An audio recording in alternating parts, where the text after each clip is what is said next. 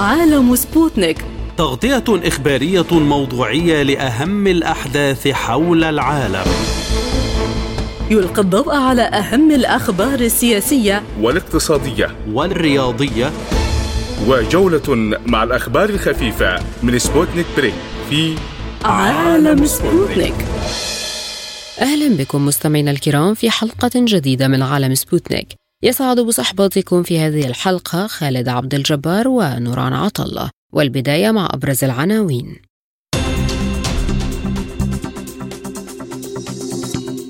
بيونغ يانغ تقول إن محاولات واشنطن التدخل في العلاقات الكورية الشمالية الروسية تجاوزت الخط الأحمر. نتنياهو يعقد جلسة أمنية طارئة لمناقشة المواقف العسكرية على مختلف الجبهات. الولايات المتحدة وتايوان تعقدان مؤتمرا للأمن والدفاع والصين تراقب. كوسوفو تطالب صربيا بسحب قواتها من على الحدود والولايات المتحدة تحذر وتراقب الموقف. العراق وتركيا يبحثان تنفيذ مشروع طريق التنمية.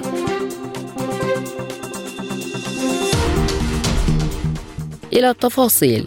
قال نائب وزير الخارجية الكوري الشمالي إيم تشون إيل إن العداء الأمريكي ومحاولات التدخل في العلاقات الودية بين روسيا وكوريا الشمالية تجاوزت الخط الأحمر وهو ما يوضح رغبة واشنطن في الهيمنة. وأضاف أن العداء الأمريكي ظالم والشائن تجاه العلاقات الودية والتعاونية التقليدية بين جمهورية كوريا الشعبية الديمقراطية وروسيا ومحاولاتها التدخل فيها قد تجاوز الخط الأحمر. وتابع إيم تشون إيل قائلا في الآونة الأخيرة وصفت الولايات المتحدة بلا دليل تطوير علاقات حسن الجوار بين البلدين بأنه انتهاك لقرارات الأمم المتحدة والقانون الدولي في محاولة لإعطاء الجمهور العالمي انطباعا خاطئا بأن التعاون بين كوريا الديمقراطية وروسيا يشكل تهديدا للسلام والأمن العالميين. وأشار السياسي الكوري الشمالي أيضا إلى أن سلوك واشنطن يظهر طريقة تفكيرها الموجهة نحو الهيمنة والمبنية على منطق المواجهة على طراز الحرب الباردة من القاهرة ينضم إلينا حسين إسماعيل نائب رئيس تحرير الطبعة العربية لمجلة الصين اليوم أستاذ حسين ماذا يعني هذا التهديد الشديد اللهجة من كوريا الشمالية؟ يعني هذا يأتي في سياق عام معروف أن هناك علاقات أو نقول يعني توترات دائمة بين كوريا الشمالية والولايات المتحدة الأمريكية. والتصريح الأخير هو يأتي في هذا السياق. كوريا الشمالية تعتبر أن علاقاتها مع روسيا هي علاقات ثنائية لا ينبغي لأي طرف التدخل فيها. الولايات المتحدة الأمريكية تنظر إلى هذه العلاقة بأن كوريا الشمالية ربما تدعم روسيا بتقنيه بمعدات أو بأي أنواع من الدعم الذي يمكن أن يساعدها في حربها مع أوكرانيا. وبالتالي واشنطن تعتبر هذا تدخلا أو انحيازا من جانب بيونغ يانغ إلى موسكو في هذه الحرب. وعلى النقيض تعتبر بيونغ يانغ وموسكو أن هذا شأن ثنائي شأن يخص علاقاتهما خاصة وأن يعني التوترات في شبه الجزيرة الكورية تتصاعد يوما بعد يوم في ظل حالة دولية يعني تبدو جلية يوما بعد يوم من هذا الانقسام العالمي بين ما يمكن بين مزدوجين تسميته بمعسكرين معسكر الذي يضم روسيا كوريا الشمالية الصين وربما بعض الدول وإيران وبعض الدول الأخرى ومعسكر آخر يضم الدول الغربية وفي مقدمتها الولايات المتحدة الأمريكية. لكن كيف تتدخل الولايات المتحدة في العلاقات بين البلدين كما تقول بيونغ يانغ؟ آه في الحقيقة واقعيا لا تستطيع واشنطن أن تفعل الكثير في شأن هذه العلاقة، هناك بالفعل عقوبات أمريكية ضد كوريا الشمالية، هناك مواقف عدائية متبادلة بين الجانبين تشتد حدتها حينا بعد حين، ولن تفلح محاولات سابقة حتى يعني اللقاء الذي جرى بين الزعيم الكوري الشمالي والرئيس السابق دونالد ترامب الرئيس الأمريكي. آه لم تفلح كل هذا آه هذه الجهود في تهدئة هذا التوتر المتصاعد لاختلاف آه وجهات النظر واختلاف المواقف الاستراتيجية والمصالح الاستراتيجية لكوريا الشمالية والولايات المتحدة الأمريكية، ولكن واقعيا وعمليا ليس في يد واشنطن أن تفعل. ربما تلوح ببعض العقوبات مزيد من العقوبات ولكن هذا يعني ثبت فشله في السنوات العديدة العديدة السابقة أستاذ حسين هل الإعلام والدعاية وسيلة أمريكية مؤثرة حول العالم لترويج أفكارها خاصة أن واشنطن بدأت تخشى وتحذر من تمدد الإعلام الصيني؟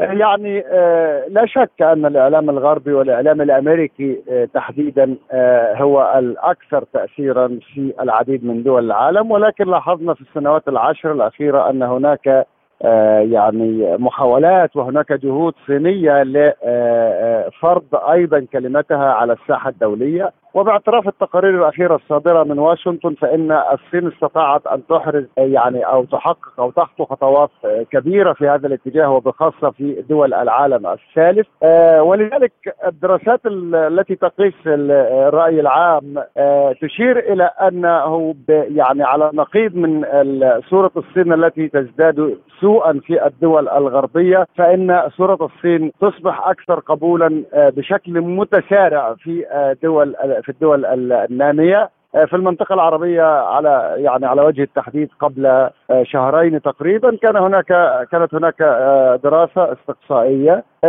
ثبت فيها أن الصين بالفعل أصبحت صورة مقبولة ويعني أكثر شعبية من أي بلد آخر من القوى الكبرى في منطقة في الدول العربية. نعم الولايات المتحدة الأمريكية تدرك أن ما تسميه واشنطن بمحاولات الصين تشويه صورة الولايات المتحدة الأمريكية أو فرض الرؤية الصينية للنظام العالمي آه، آه، ولكن الواقع هو أن هناك بالفعل آه، تواجدا صينيا متزايدا في أفريقيا في العديد من الدول الأسيوية في أمريكا اللاتينية وأعتقد أن هذا الاتجاه سوف يستمر أخيرا كيف تتداخل هذه الأزمة مع الأزمة القائمة سياسيا واقتصاديا بين واشنطن وبكين؟ من الواضح في الفترة الأخيرة أن واشنطن تتبع آه، يعني آه، مسارين في آه، علاقاتها مع بكين. هناك المسار الذي يسعى إلى التقاء يعني تقريب وجهات النظر تكثيف التبادل وتكثيف الكلام والحديث مع بكين. شهدنا في الأسابيع الأخيرة كثافة من الزيارات الأمريكية إلى بكين. شهدنا لقاء استمر يقرب من 12 ساعة بين وزير خارجية الصين ومستشار الأمن القومي الأمريكي في مالطا آه، وزيره وزير الخارجية وزيرة التجارة العديد من الوزراء والكبار المسؤولين الأمريكيين زاروا بكين في الفترة الأخيرة ولكن في على الجانب الآخر آه، آه، لا تتوقف واشنطن عن انتهاج سياستها بمحاولة احتواء الصين من خلال تعزيز تحالفاتها في المناطق المحيطة بالصين وتحديدا في منطقة جنوب شرقية آسيا وشرقية آسيا المحيط الهندي والمحيط الهادي. المشروعات العديدة التي أعلن عنها وربما أبرزها هذا المشروع الذي يتعلق ب ممر الهند إلى أوروبا عابرا بمنطقة الشرق الأوسط، هذه كلها جهود تحتوي تحاول احتواء الصين ومبادراتها العالمية وتحديدا مبادرة الحزام والطريق التي يعني تشهد توسعا واقبالا عالميا متزايدا. اذا هذان المساران الأمريكيان مسار فتح الإبقاء على الخطوط مفتوحة مع بكين وفي نفس الوقت محاولات احتواء الصين ودعم تايوان تحديدا باعتبارها يعني موطئ القدم الأمريكية الذي يقف عند أنف الجمهوريه الصين الشعبية. قال نائب رئيس الأركان الأسبق للجيش الإسرائيلي لواء احتياط دان هارئل إنه لم يسبق له أن رأى الأمن القومي لبلاده في وضع أسوأ لافتا إلى أن الجيش الإسرائيلي يتعرض لخطر وجودي حقيقي. يأتي ذلك في الوقت الذي يعقد فيه نتنياهو رئيس الوزراء الإسرائيلي جلسة تقييم أمنية طارئة لمناقشة المواقف العسكرية على مختلف الجبهات. وذكرت وسائل إعلام إسرائيلية أن الجلسة الأمنية التي سيعقدها نتنياهو ستبحث الأوضاع الأمنية على جبهة قطاع غزة وجبهات عسكرية أخرى بمشاركة مختلف الأجهزة الأمنية. جاءت تصريحات اللواء دان هيرل خلال تظاهرة ضد التعديلات القضائية في تل أبيب.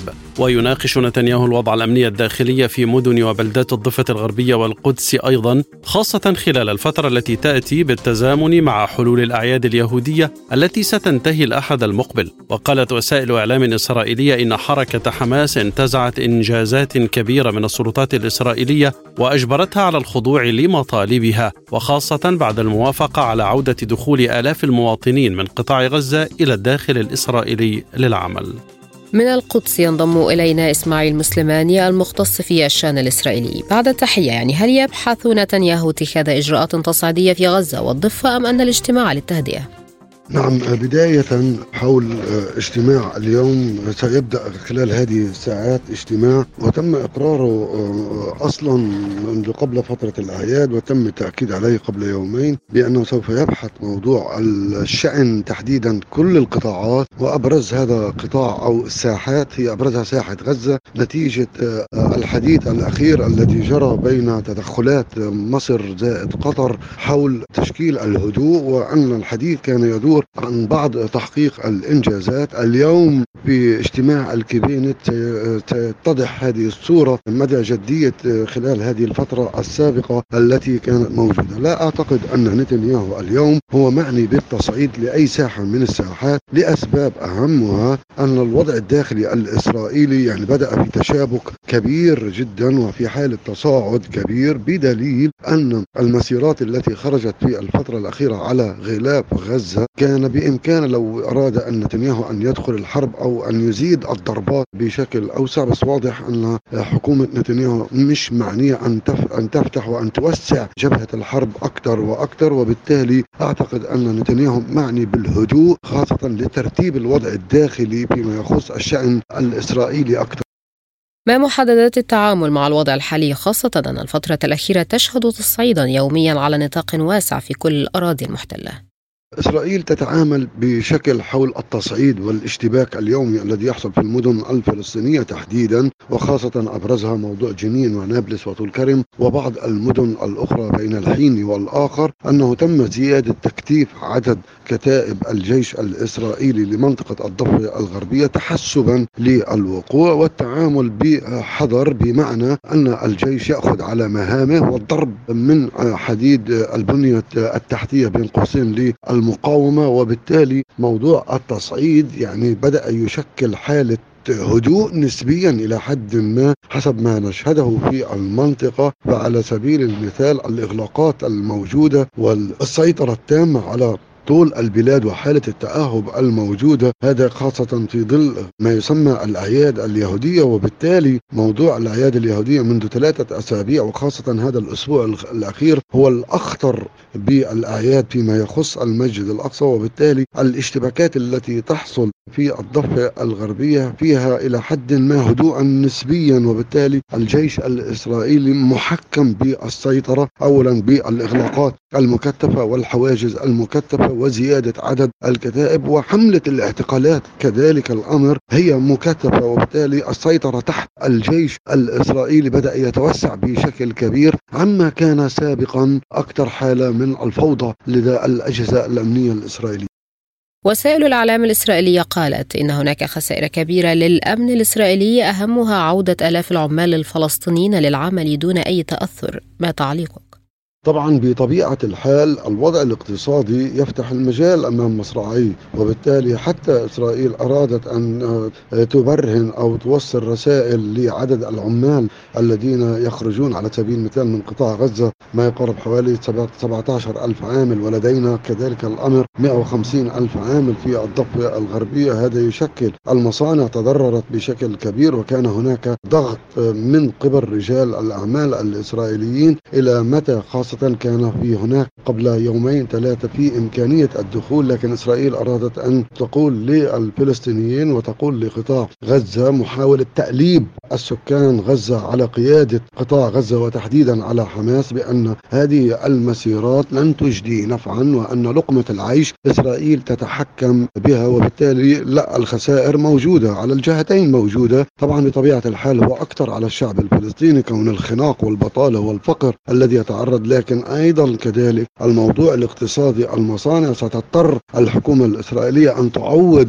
المصانع الموجودة وبالتالي هذا يعكس طبيعة الحالة الاقتصادية والحالة الأهم من موضوع الاقتصادية هو موضوع الراحة النفسية طوال الوقت الغلاف عاش في حالة رعب وعاش في حالة توتر وقلق بكل لحظة يتوقعون إطلاق الصواريخ البالونات وإطلاق الرصاص واشتعال الكوشوك وكل هذه الوحدات الليلية أو الاشتباكات اللي كانت تحصل شكلت للغلاف حالة مأزق كبير آه، جدا لدرجة أن فهم من البعض بأن السنوار آه، يحيى السنوار زعيم قطاع غزة نجح في آه، في السيطرة عن طريق غير مباشرة بفرض بعض الإنجازات منها توسيع البحر للتمديد بالإضافة إلى زيادة المنحة القطرية بالإضافة إلى فتح المعابر فيما يخص وبالتالي محاولة فرض فك القطاع على حصار غزة هذا يبقى عالقا وموضوع ربط الساحات معا نتنياهو قال إن عمليات التطبيع مع الدول العربية أصبحت منفصلة عن القضية الفلسطينية حتى مع السعودية فهل هذا أصبح صحيحا؟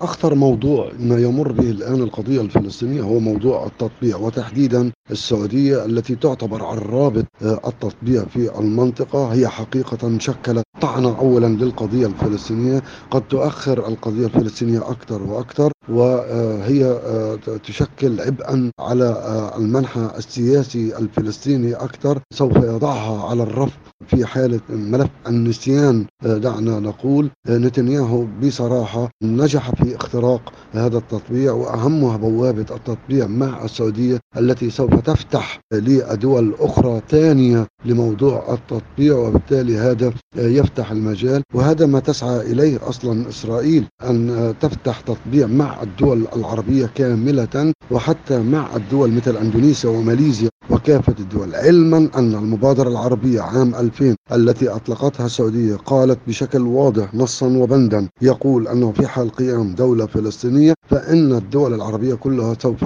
تقيم علاقات تطبيع لكن للأسف إسرائيل استطاعت ونجحت اختراق هذه البوابة أولا لثلاثة رسائل. الرسالة الأولى ضربة للمقاومة ومحور ومحور المقاومة ضربة للشعب.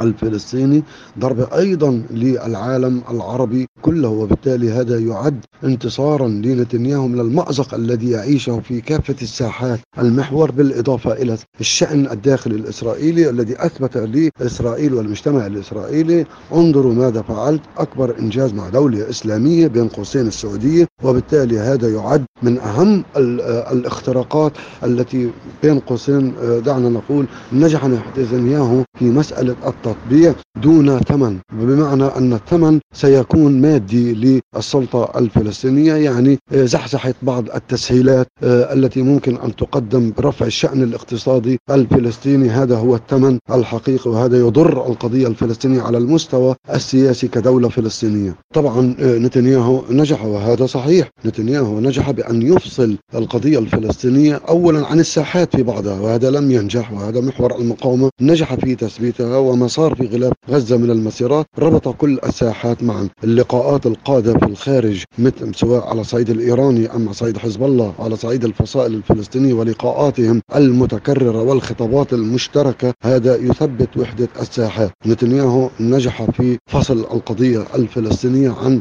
الدول العربية وخاصة السعودية لأكثر من ثلاثة وأربع شهور وهي تحاول أن تروج وتقول أولا عليكم أن تحلوا القضية الفلسطينية ثم جاءت قضية يعني يأتي وفد فلسطيني إلى السعودية. وكان هناك اشتراط من الإدارة الأمريكية عدم إحراج السعودية في المطالب الفلسطينية وعلى ما يبدو بين قوسين هي مطالب اقتصادية هدوء مقابل اقتصاد. تعقد السلطات الأمريكية والتايوانية مؤتمرا ثنائيا حول التعاون في مجالات الأمن والدفاع والصناعة العسكرية. وسيبحث الطرفان فرص التعاون في مجالي الصناعة العسكرية والأمن السيبراني. ومن المقرر أن يعقد مؤتمر صناعة الدفاع الأمريكي التايواني في ويليامزبرغ بولاية فيرجينيا في الفترة من الأول حتى الثالث من أكتوبر. ويتناول المؤتمر التهديدات التي يتعرض لها أمن تايوان وسياسة الولايات المتحدة تجاه الجزيرة والآليات الثنائية للحوار وفرص التعاون الثنائي في مجالات الصناعة العسكرية وأمن المعلومات والأمن السيبراني. يشار إلى أن الطرفين سيناقشان مخاطر الصراع في مضيق تايوان واحتمالات زيادة القدرة الدفاعية للجزيرة. كما يعتزم الوفد التايواني مناقشة إمدادات الأسلحة وإجراء مناقشات مع ممثلي مؤسسات الفكر والرأي الأمريكية بالإضافة للقاء دبلوماسيين من 15 دولة أوروبية حيث ستتم مناقشة الاستعدادات للانتخابات رئيس الإدارة التايوانية في يناير 2024 من بيروت ينضم إلينا دكتور تمارا برو الباحثة في الشأن الصيني بعد التحية ما الهدف من هذا المؤتمر الخاص بالأمن والدفاع بين الولايات المتحدة وتايوان؟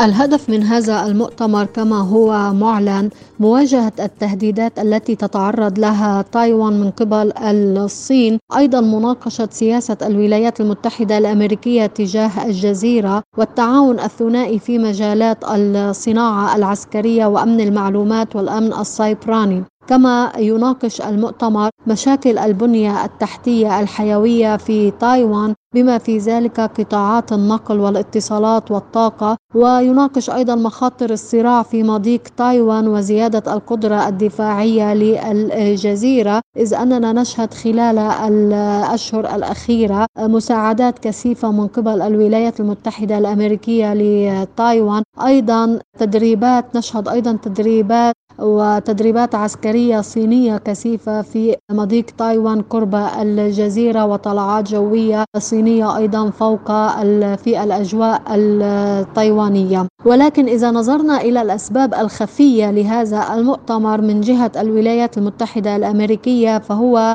الهدف هو استفزاز الصين إذ أن الولايات المتحدة الأمريكية دائما تستخدم ورقة تايوان للضغط على بكين. وطبعا سيشكل هذا الأمر استفزاز للصين إلى أي مدى تستفز هذه الخطوة الجانب الصيني؟ تستفز هذه الخطوة بكين كثيرا التي تعتبر تايوان جزء من أراضيها. ستعود إلى الأراضي الصينية إلى البر الصيني آه، يوما ما حتى يعني الزعيم ماو قال أن تايوان ستعود إلى الوطن. الأم حتى لو احتاج الأمر إلى مئة سنة وبالتالي الصين لن تتنازل عن تايوان وستسعى بكل الوسائل السلمية في البداية إلى ضم إلى إعادة التوحيد آه، مع الجزيرة. ولكن إذا لم يتم التوحيد سلميا وقام الانفصاليون بعمليات تهدد أمن الصين بالتعاون مع الجهات الغربية فإن الصين ستستخدم القوى العسكرية ولن تتردد في ضم تايوان باستخدام الوسائل العسكرية. وهذا ما يعبر عنه دائما المسؤولين الصينيين بدءا من الرئيس شي جين بينغ الصين تعتبر أن مثل هذه التصرفات يعني مثلا انعقاد المؤتمر بين تايوان والولايات الولايات المتحدة الأمريكية أو المساعدات العسكرية التي تقدمها واشنطن إلى تايبيه أو زيارة المسؤولين المتبادلة بين الولايات المتحدة الأمريكية وتايبيه أو أي نشاط يجري بين الولايات المتحدة الأمريكية وتايوان يعتبر تدخلا في شؤونها الداخلية وتدرك بكين أن الولايات المتحدة الأمريكية تقوم بهذه النشاطات والإجراءات بهدف استفزازها نظرا لأن واشنطن تدرك مدى حساسية موضوع تايوان بالنسبة إلى الصين. وقد رأينا أن أنه منذ زيارة رئيسة مجلس النواب السابقة نانسي بيلوسي إلى الجزيرة في صيف العام الماضي كثفت الصين من مناوراتها في مضيق تايوان ومن طلعاتها الجوية في الأجواء التايوانية حتى باتت أنها يمكن أن نقول أنها تجري تدريبات لاحتمال هجومها على تايوان إذا استدعت الضرورة العسكرية ذلك. وخلال أي نشاط أو تبادل تبادل مسؤولين أو زيارة مسؤولين أو إرسال المساعدات عسكرية أمريكية إلى تايوان تقوم الصين كرد فعل على ذلك بإجراء مناورات في مضيق تايوان مناورات عسكرية بحرية في مضيق تايوان. وأعتقد أن الصين ستجري كرد فعل على هذا المؤتمر ستجري مناورات في مضيق تايوان وإجراء طلعات جوية في سماء تايوان. لماذا تستمر هذه الفعاليات رغم كل محاولات التهدئة؟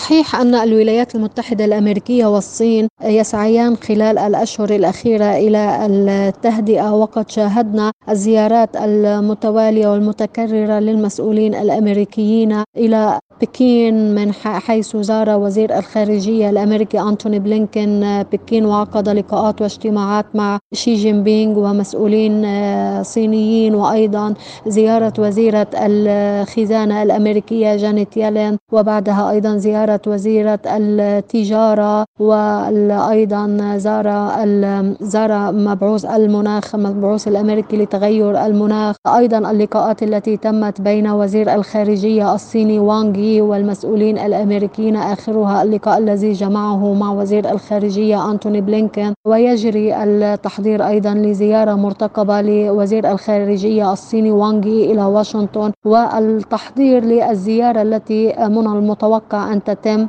لزيارة رئيس الصيني شي جين بينغ إلى سان فرانسيسكو لحضور منتدى التعاون الاقتصادي لدول آسيا والمحيط الهادئ واللقاء الذي سيجمعه برئيس الولايات المتحدة الأمريكية جو بايدن. صحيح أن كلا الطرفين يسعيان إلى التهدئة وإبقاء قنوات الاتصال مفتوحة وعلى الرغم من أن الزيارات والاتصالات والاجتماعات التي تمت بين الطرفين لم تفضي إلى نتائج عملية وملموسة لكنها خففت من حدة التوتر بين الدولتين وأبقت قنوات الاتصال مفتوحة تجنبا لأي هجوم أو احتكاك عسكري عن طريق الخطأ يمكن أن يحصل في بحر الصين. الجنوبي بين الصين والولايات المتحدة الأمريكية يؤدي إلى كارثة لا تحمد عقباها على المنطقة وعلى العالم أجمع على اعتبار أن الصين ثاني أكبر اقتصاد في العالم والولايات المتحدة الأمريكية أكبر اقتصاد في العالم وبالتالي فإن أي نشوب أي حرب بين هاتين القوتين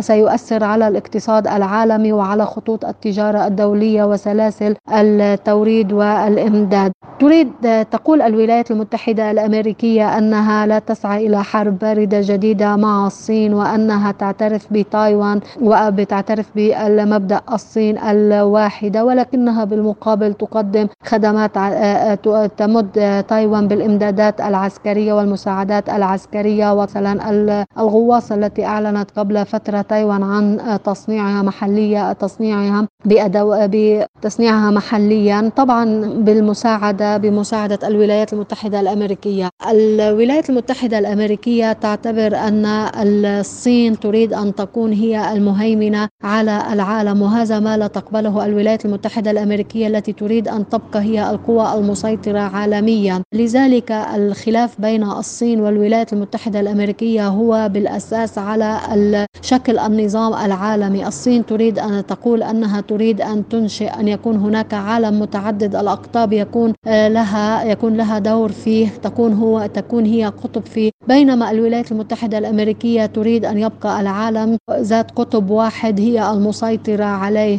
وهذا هو أساس الخلاف بين الولايات المتحدة الأمريكية والصين. يعني حتى لو تم الاتفاق والتفاوض ونجاح المفاوضات بين الصين والولايات المتحدة الأمريكية من الناحية الاقتصادية فإن الولايات المتحدة الأمريكية لن تقبل أولا بأن تكون الصين هي المهيمنة والمسيطرة أو أن أو أن تكون الصين هي قطب ثان إضافة إلى الولايات المتحدة الأمريكية. وأيضا لا تريد الولايات المتحدة الأمريكية أن تمد الصين بالرقائق الإلكترونية أو التكنولوجيا المتقدمة وهي تريد أن تبقى الصين متخلفة في مجال الرقائق والتكنولوجيا كي لا تصبح دولة متقدمة وتنافسها على منصب الريادة المؤتمر يناقش الكثير من الملفات الداخلية التايوانية منها الأمن والتهديدات المحيطة بالجزيرة والانتخابات أيضا فهل أصبحت الولايات المتحدة التي ترسم تحركات السلطة في تايوان؟ منذ أن تسلم الحزب الديمقراطي التقدمي السلطة في تايوان عام 2016 بزعامة تسانغ إنوين ازداد التقارب مع الولايات المتحدة الأمريكية فالحزب التقدمي المعارض يسعى إلى الانفصال عن الصين وإقامة دولة مستقلة. واستغلت الولايات المتحدة الأمريكية ذلك لتعلن دعمها لتايوان وذلك رغبة من واشنطن في الضغط على الصين وإشغالها بمشاكل داخلية كي لا تتقدم أكثر وتصبح منافس أو تتخطى الولايات المتحدة الأمريكية في الريادة على العالمية. تنافس الولايات المتحدة تناقش الولايات المتحدة الأمريكية التقارب بين واشنطن وتايبي على مختلف الأصعدة العسكرية والتجارية والثقافية. مثلا وقع اتفاق تجاري كبير قبل عدة أشهر بين الجزيرة والولايات المتحدة الأمريكية. بشكل عام الحزب الديمقراطي التقدمي يعتمد على واشنطن التي يرى فيها أنها ستكون الداعم له ودعم له في حال هجمت بكين على تايبي وأيضا يرى أن الولايات المتحدة الأمريكية ستدفع دول أخرى مجاورة نحو مساندة الجزيرة. وبالتالي تنسق تايبي مع واشنطن في مختلف الإجراءات والأمور التي تتخذها الجزيرة داخليا وخارجيا. طالبت كوسوفو صربيا بسحب قواتها من الحدود المشتركة بينهما قائلة إنها مستعدة لحماية وحدة أراضيها ويتصاعد التوتر بين البلدين منذ الأحد الماضي حينما قاتلت شرطة كوسوفو نحو 30 صربيا مدججين بالسلاح اجتاحوا قرية بانسكا في كوسوفو وتحصنوا في دير أرثوذكسي صربي وسقط ثلاثة من المهاجمين وضابط شرطة. وأثار الاشتباك المسلح مخاوف دولية جديدة إزاء الاستقرار في كوسوفو التي توجد بها أغلبية من ذوي الأصول الألبانية والتي أعلنت الاستقلال عن صربيا في 2008 بعد انتفاضة مسلحة وتدخل حلف شمال الأطلسي الناتو في عام 99 للمزيد من التفاصيل ينضم إلينا الكاتب والمحلل السياسي رضوان قاسم من برلين بعد تحية لماذا تحركت القوات الصربيه باتجاه كوسوفو بهذه السرعة والحادث الدير يستدعي كل هذا التحرك؟ أه تحياتي لكم ولمستمعيكم الكرام. واضح أن الصرب أدركوا أن الدول الأوروبية الغربية بعد فشلهم في أه أوكرانيا يريدون أن أه ربما أن يضعوا العراقيل آه، في أي دولة تقف إلى جانب روسيا وخاصة أنهم في الداخل الأوروبي بحيث أنهم يريدون أن يردوا هذه الخسارة في مكان آخر. وهذا ما أصبح جلي أن عندما كانت يعني منذ بدء المعركة العسكرية في أوكرانيا آه، كلما تراجع الأوكران وكلما تراجعت التحالف الناتو والولايات المتحدة الأمريكية في مكان ما في أوكرانيا آه، يحاولون أن يؤزموا الأوضاع في مناطق أخرى تؤثر على أو تضغط على روسيا. روسيا. ومن هنا جاء التحرك الغربي في آه، كوسوفو ضد آه، آه، صربيا. ونحن نعرف الموقف الصربي من روسيا. لهذا السبب جاءوا بدأوا بهذا التحرك وبدأوا يتهمون الصرب بأنهم يعني إذا صح التعبير يعتدون على الحقوق في كوسوفو. وخاصة أن لا يعترفون في ما يخص الأغلبية الساحقة في بعض البلديات التي ينتمي آه، أهلها إلى عرق صربي آه، وهي محاذية لصربيا لا يعترفون بهذا الواقع آه، فيريدون أن يعني أن يكون الانفصال مما يضعف القوى الصربية أو الدولة الصربية يريدون هذا الانفصال أن يكون سريعا ومستمرا رغم كل يعني الرفض لصربيا في هذا الخصوص وحتى رأينا أيضا في موضوع البلديات والانتخابات التي التي عينت مؤخرا في بعض الأقضية وبعض البلديات التي أغلبيتها صربية. فهذا يعني ومدعوما طبعا من الدول الأوروبية. هذا يعني أنهم يريدون التحرش في صربيا فقط لرد الاعتبار لأنفسهم في مكان آخر أو أو ربما لمواجهة روسيا في صربيا على موقفها من الحرب أو المعركة العسكرية في أوكرانيا. من هنا شعرت صرب بهذه الخطورة فاستعدوا لأن تكون قواتهم جاهزة لأي اعتداء من قبل كوسوفو ومدعوما من قوى الأوروبية الغربية وطبعا من الولايات المتحدة الأمريكية فبدأ الاستنفار من من هذا الباب لأنهم شعروا أن هنالك مخطط ما لتوتير الأوضاع في هذه الجبهة وخاصة أن المستهدف هي صربيا ردا على هزائمهم في في أوكرانيا. هل يمكن أن تستجيب صربيا وتسحب قواتها من على الحدود الكوسوفية؟ يعني بالمبدأ آه، صربيا آه، حاليا لا تستطيع الاستجابة بهذه السهولة طالما شعرت أن هنالك خطرا ما يداهمها على الحدود آه، ويعني نحن نعرف أن الوضع ليس مستقرا وهذا يعني ليس بجديد إنه قديم جديد كلما ذكرنا يعني نحن ذكرنا هذا الموضوع أنه كلما تأزمت الوضع لبعض الدول الأوروبية في مكان ما الضغط على روسيا يحاولون أن يعني يستبدلوه في مكان آخر وصربيا هي إحدى هذه الأماكن. لهذا السبب لا أرى أن من السهولة بمكان أن تستعيد آه، صربيا قواتها إلى الداخل ويعني وتنتهي من هذا الاستنفار الموجود. لأنها ما زالت تشعر أن هنالك طالما ما زالت تشعر أن هنالك خطرا يداهمها فبالتأكيد هذا لن ينتهي بهذه السهولة إلا إذا اخذت ضمانات بأنه لن يكون هنالك اعتداء عليها لا من قبل كوسوفو ولا من قبل الدول الغربية. أنا أرى أن هنالك خطورة في مكان من التدخل الغربي مباشرة من الدول الأوروبية والمنضوية تحت حلف ناتو تحت لواء الناتو ان تدخل في آه، هذه العملية العسكرية مباشرة وتوتر الأوضاع لضرب صربيا كما ذكرت آه، رد رد اعتبار لهم على خسائرهم في آه، أوكرانيا وخاصة أن بدأت ملامح هذه الخسارة تطفو على السطح بشكل جلي وكبير وما رأيناه في الولايات المتحدة الأمريكية بالأمس من من الموقف في موضوع الميزانية الحكومة. كان ضربة قوية جدا كان للولايات المتحدة لسياسة الإدارة الأمريكية الحالية أم كان لحلفائها في الاتحاد الأوروبي وحلف الناتو.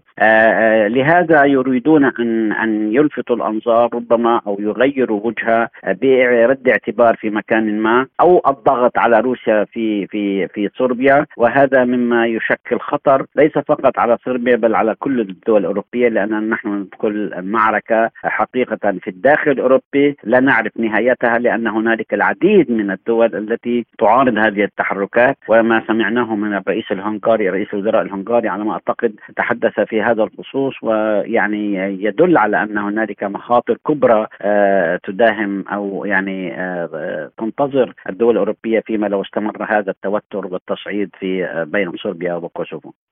هل العالم بصدد حرب جديدة في هذه المنطقة؟ آه كل شيء وارد يعني هذا الآن نحن أمام أمام خيارات صعبة جدا حقيقة آه من الداخل الأوروبي وما سمعناه من بريطانيا مثلا بالأمس عن عن عن, عن نيتها في إرسال آه، آه، مدربين إلى الداخل الأوكراني لمساعدة الجيش الأوكراني وتدريبه. هذا يدل على أن التصعيد هو ما زال سيد الموقف وأن بعض الدول التي ما زالت مصرة على الدعم العسكري والسياسي والمادي إلى أوكرانيا. هذا يدل على ورغم أن الانشقاقات في الداخل الأوروبي كبيرة وكبيرة جدا وكل يوم تزداد عن الآخر إنما هذا يدل على أن الأمور ذاهبه إلى آه، يعني آه، آه، سوداوية المستقبل القادم إلى أوروبا حيث أن هنالك الكثير من التناقضات في بين هذه الدول والكثير من المشاكل الاقتصادية والسياسية وحتى العسكرية والأمنية. فيعني احتمال كبير أن تذهب الأمور إلى التصعيد إلى المواجهة. حتى ربما إن لم نستطيع القول أنه مع روسيا مباشرة ربما يكون فيما بينهم لأن هنالك أيضا تناقضات كبيرة بين هذه الدول وبدأت المصالح أصلا فيما بينهم تتناقض إلى حد بعيد. آه هذا مما يشكل خطر. آه أكان على الداخل الأوروبي آه أو أكان على الدول المجاورة. لأننا نحن نعرف اليوم أن هنالك الكثير من المواقف المتناقضة بين هذه الدول مما تشكل خطرا على سياسات الاتحاد الأوروبي وتفكك هذا الاتحاد. وهو ذاهب إلى التفكك فيما لو انتهت الحرب في أوكرانيا ستظهر حقيقة المواقف حقيقه الوضع المزري للدول الأوروبية، لهذا السبب آه، ممكن أن تكون الحرب آه، يعني هي غطاء في مكان ما لهذا الفشل الذريع الذي تلقونه في أوكرانيا. وربما أيضا يكون آه، أيضا نتيجة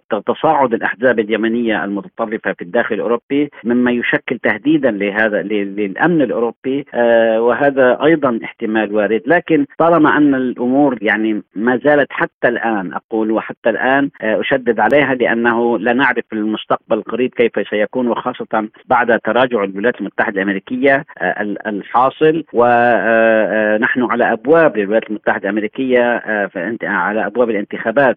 فيما لو تغير تغيرت السياسات الأمريكية وتغير آه، آه، تغيرت الإدارة آه، الحالية.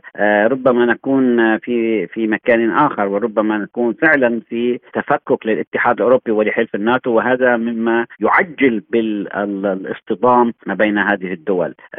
لا يك يعني لا نستطيع أن نستبعد هذا الاحتمال أقله في الوقت المنظور لنرى الأشهر القليلة المقبلة ماذا سينتج عنها ونستطيع القول عندها كيف ستسير الأمور.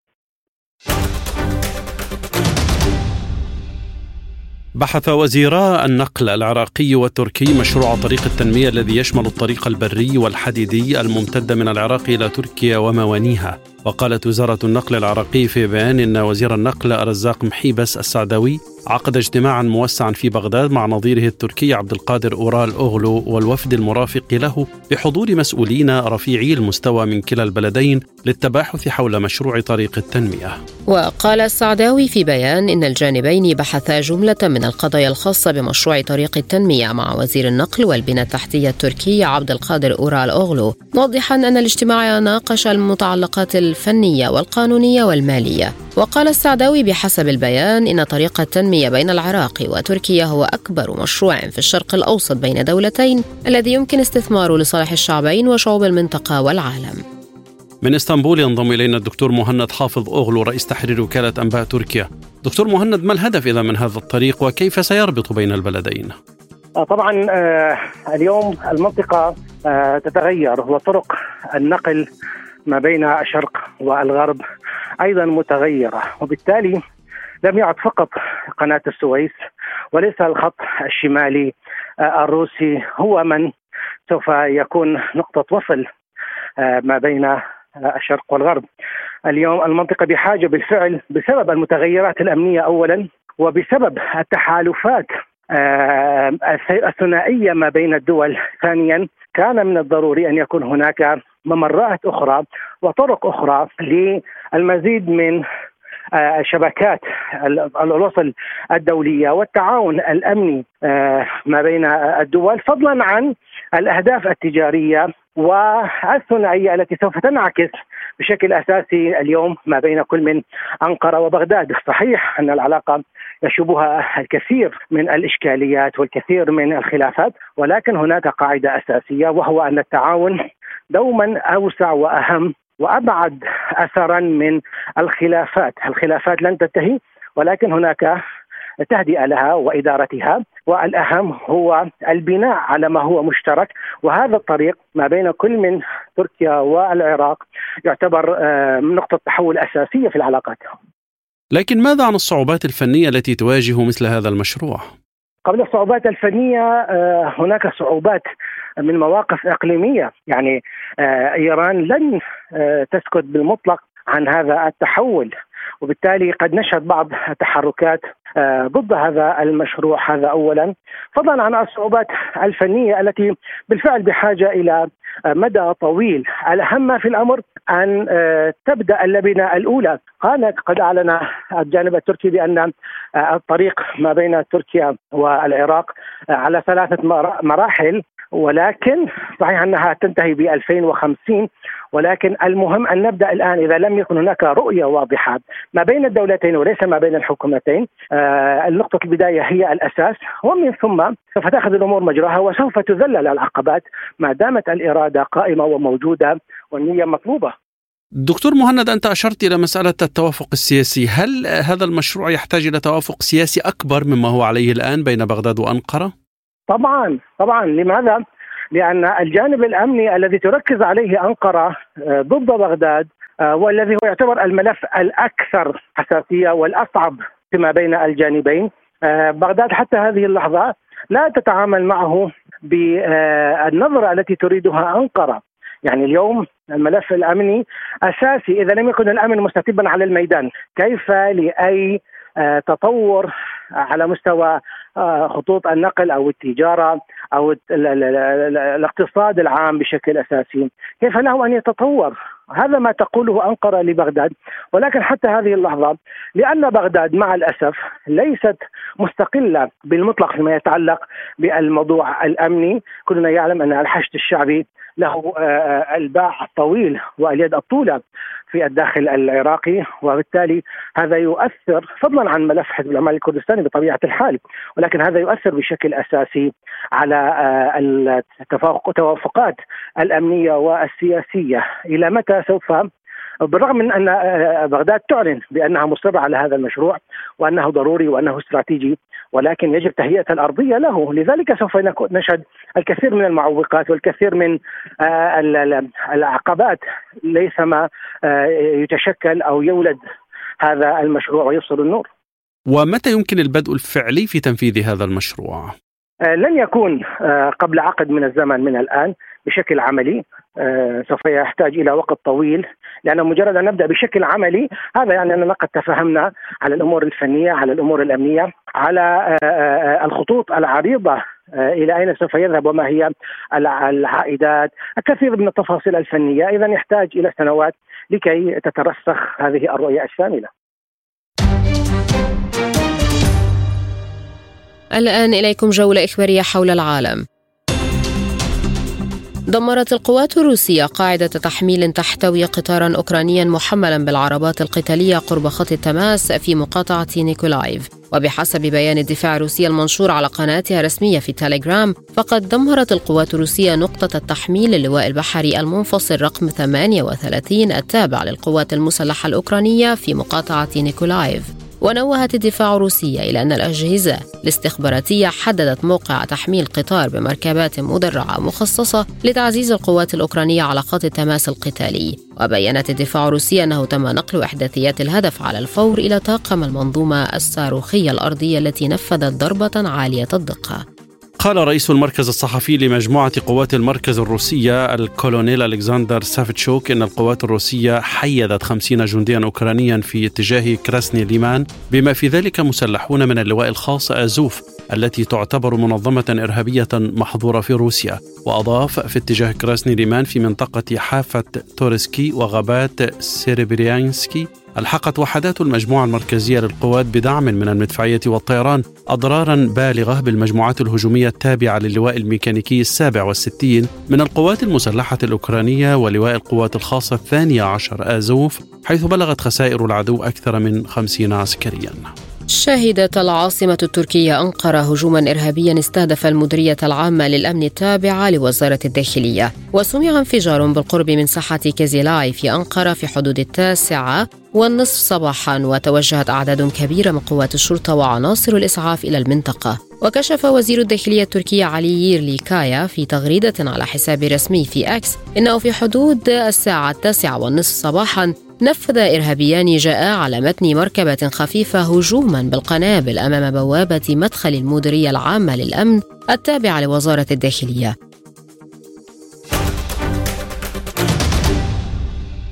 والآن إليكم تذكرة بأبرز ملفات هذه الحلقة.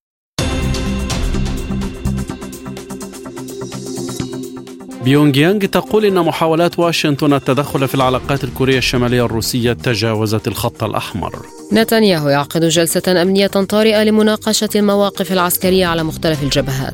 الولايات المتحدة وتايوان تعقدان مؤتمرا للأمن والدفاع والصين تراقب. كوسوفو تطالب صربيا بسحب قواتها من الحدود والولايات المتحدة تحذر وتراقب الموقف. العراق وتركيا يبحثان تنفيذ مشروع طريق التنمية.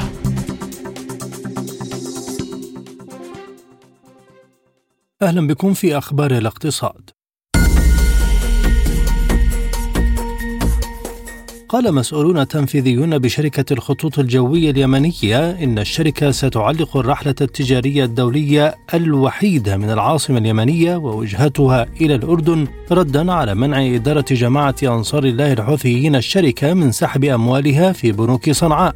وقال مسؤول الشركة وهي الناقل الوطني في البلاد إنها ستوقف ست رحلات أسبوعية إلى الأردن في أكتوبر بعد فشل المفاوضات مع الحوثيين من أجل الإفراج عن أموال الشركة التي قالوا إنها تصل إلى 80 مليون دولار. وذكرت المصادر أن الخطوط الجوية اليمنية اقترحت أن تحصل حكومة الحوثيين على 70% من الأموال بينما تذهب النسبة المتبقية وهي 30% إلى الحكومة المعترف بها دوليا.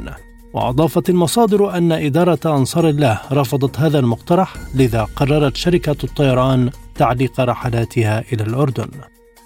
توقعت المملكة العربية السعودية أن تسجل ميزانية عام 2024 عجزا بقيمة 79 مليار ريال بما يمثل 1.9% من الناتج المحلي الإجمالي على خلفية زيادة الإنفاق كما رجحت استمرار تسجيل عجز في موازنتي 2025 و 2026 وتستهدف المملكة تحقيق إيرادات خلال العام المقبل بقيمة 1.172 تريليون ريال. وفق البيان التمهيدي لميزانية السعودية لعام 24 الصادر منتصف ليلة السبت في حين قدرت المصروفات ب 1.251 تريليون ريال.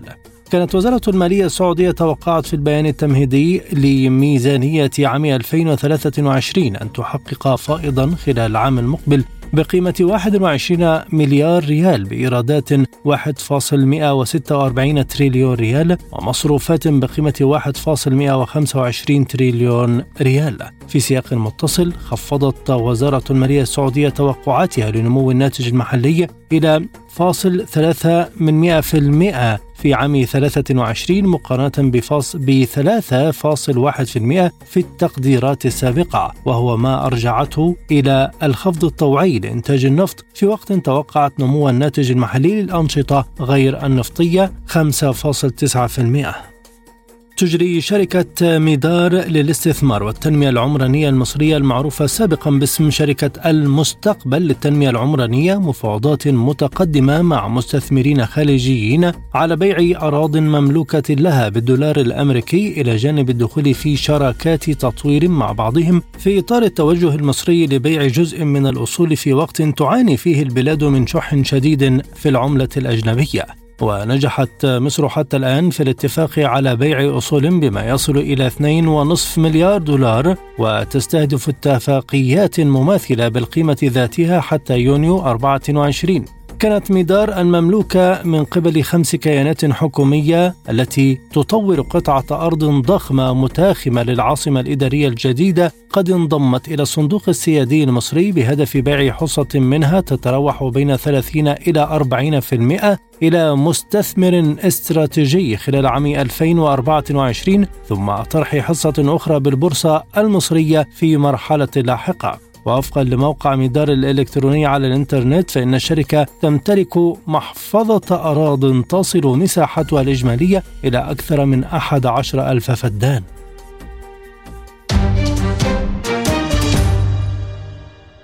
الآن مستمعينا الكرام إلى أخبار الرياضة.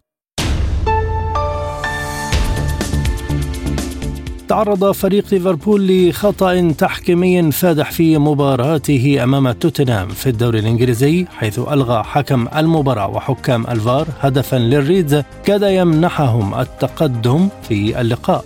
وأثار قرار عدم احتساب الهدف بداعي التسلل غضبا كبيرا في صفوف طاقم وجماهير الريدز.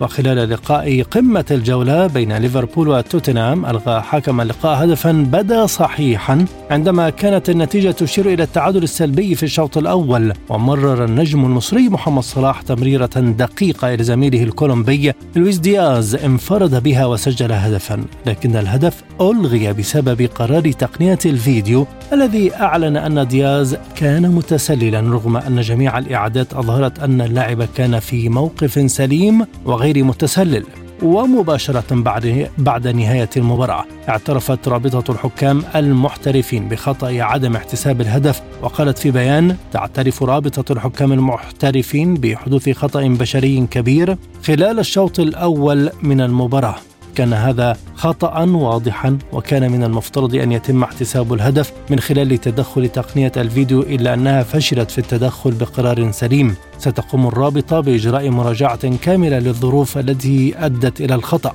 وانتهى اللقاء بخسارة ليفربول بهدفين لهدف لصالح توتنهام. الذي صعد للمركز الثاني بهذا الفوز متخطيا ليفربول الذي تراجع للمركز الرابع. تعرض فريق مانشستر سيتي حامل لقب بطولة الدوري الإنجليزي الممتاز لكرة القدم للهزيمة الأولى في الموسم الحالي على يد مضيفه نادي ولفرهامبتون بهدفين لهدف. تقدم ولفرهامبتون الذئاب بهدف مبكر في الدقيقة الثالثة عشرة من زمن الشوط الأول. جاء بنيران صديقة سجله البرتغالي روبن دياز مدافع السيتي خطأ في مرماه. وأدرك المهاجم الأرجنتيني جوليان ألفاريز التعادل للضيوف بحلول الدقيقة الثامنة والخمسين بتسديدة رائعة من ضربة حرة مباشرة. ثم اقتنص المهاجم الكوري الجنوبي هوانغ هي تشان هدف الفوز لأصحاب الأرض عند الدقيقة السادسة والستين من زمن اللقاء. ومني فريق مانشستر سيتي بهذه الهزيمة المؤثرة بعد ست انتصارات متتالية ليتوقف رصيده عند 18 نقطة ويحتل صدارة جدول ترتيب الدوري. في المقابل رفع نادي ولفرهامبتون رصيده إلى سبع نقاط وتقدم إلى المركز الثالث على سلم الترتيب بانتظار نتائج بقية مباريات هذه الجولة. ألحق فريق ريال مدريد هزيمة ساحقة بمضيفه جيرونا في عقر داره بثلاثية نظيفة في المباراة التي جرت بينهما في إطار منافسات الجولة الثامنة من الدوري الإسباني لكرة القدم. وقع على ثلاثية الملكي كل من المهاجم الإسباني خوسيلو ولاعب خط الوسط الفرنسي أولين تشواميني ولاعب خط الوسط الإنجليزي جود بيرينغهام عند الدقائق السابعة عشر والحادية والعشرين والحادية والسبعين على الترتيب. وحقق ريال مدريد انتصاره الثاني على التوالي والسابع في الموسم الحالي للدوري مقابل تعادل واحد ليرفع رصيده إلى 21 نقطة ويعتلي صدارة الدوري بينما تعرض نادي جيرونا للهزيمة الأولى في الموسم قبل ست انتصارات وتعادل واحد وتراجع إلى المركز الثالث في جدول الترتيب برصيد 19 نقطة. سبوتنيك بريك والأخبار الخفيفة.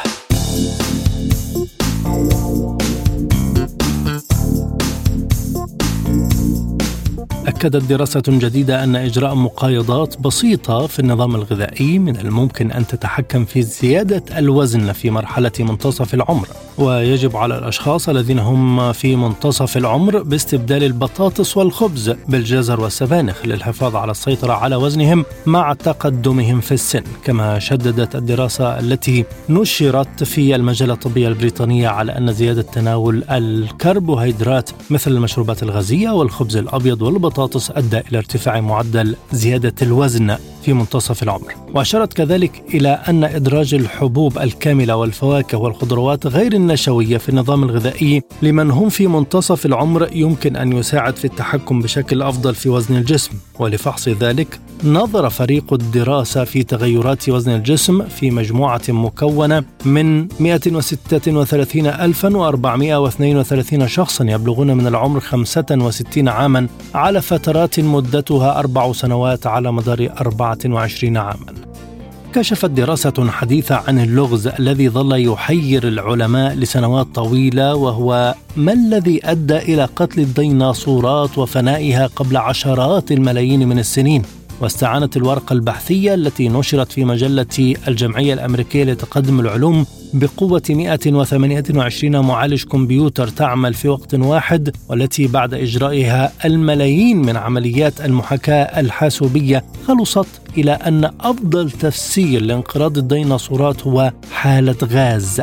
وتوصل إلى هذا الاستنتاج غير المتوقع عالمي جيولوجيا من كلية دارتموث الأمريكية طورا طريقة جديدة لدراسة هذه المسألة. وكانت معظم الدراسات السابقة تفترض أن الانقراض الجماعي للديناصورات الذي حدث قبل 66 مليون عام كان سببه إما اصطدام كويكب أو ثوران بركاني ومن أجل إدخال بياناتهم إلى الكمبيوتر نظروا إلى النوى الإسطوانية للرواسب التي تم حفرها في أعماق المحيط وتوفر طبقات الأرض هذه المليئة بالكائنات الحية الدقيقة التي تسمى المنخربات أدلة حول حموضة المحيطات بمرور الوقت وكمية ثاني أكسيد الكربون وثاني أكسيد الكبريت في البيئة. يفترض أن هذين الغازين لعب دورا في الانقراض الذي أدى إلى مقتل الديناصورات و75% من الحياة على الأرض.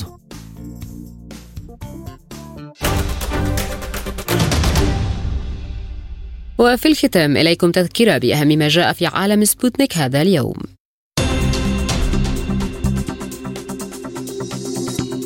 بيونغ يانغ تقول إن محاولات واشنطن التدخل في العلاقات الكورية الشمالية الروسية تجاوزت الخط الأحمر.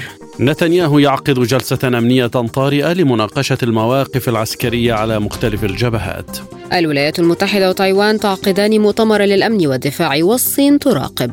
كوسوفو تطالب صربيا بسحب قواتها من على الحدود والولايات المتحدة تحذر وتراقب الموقف.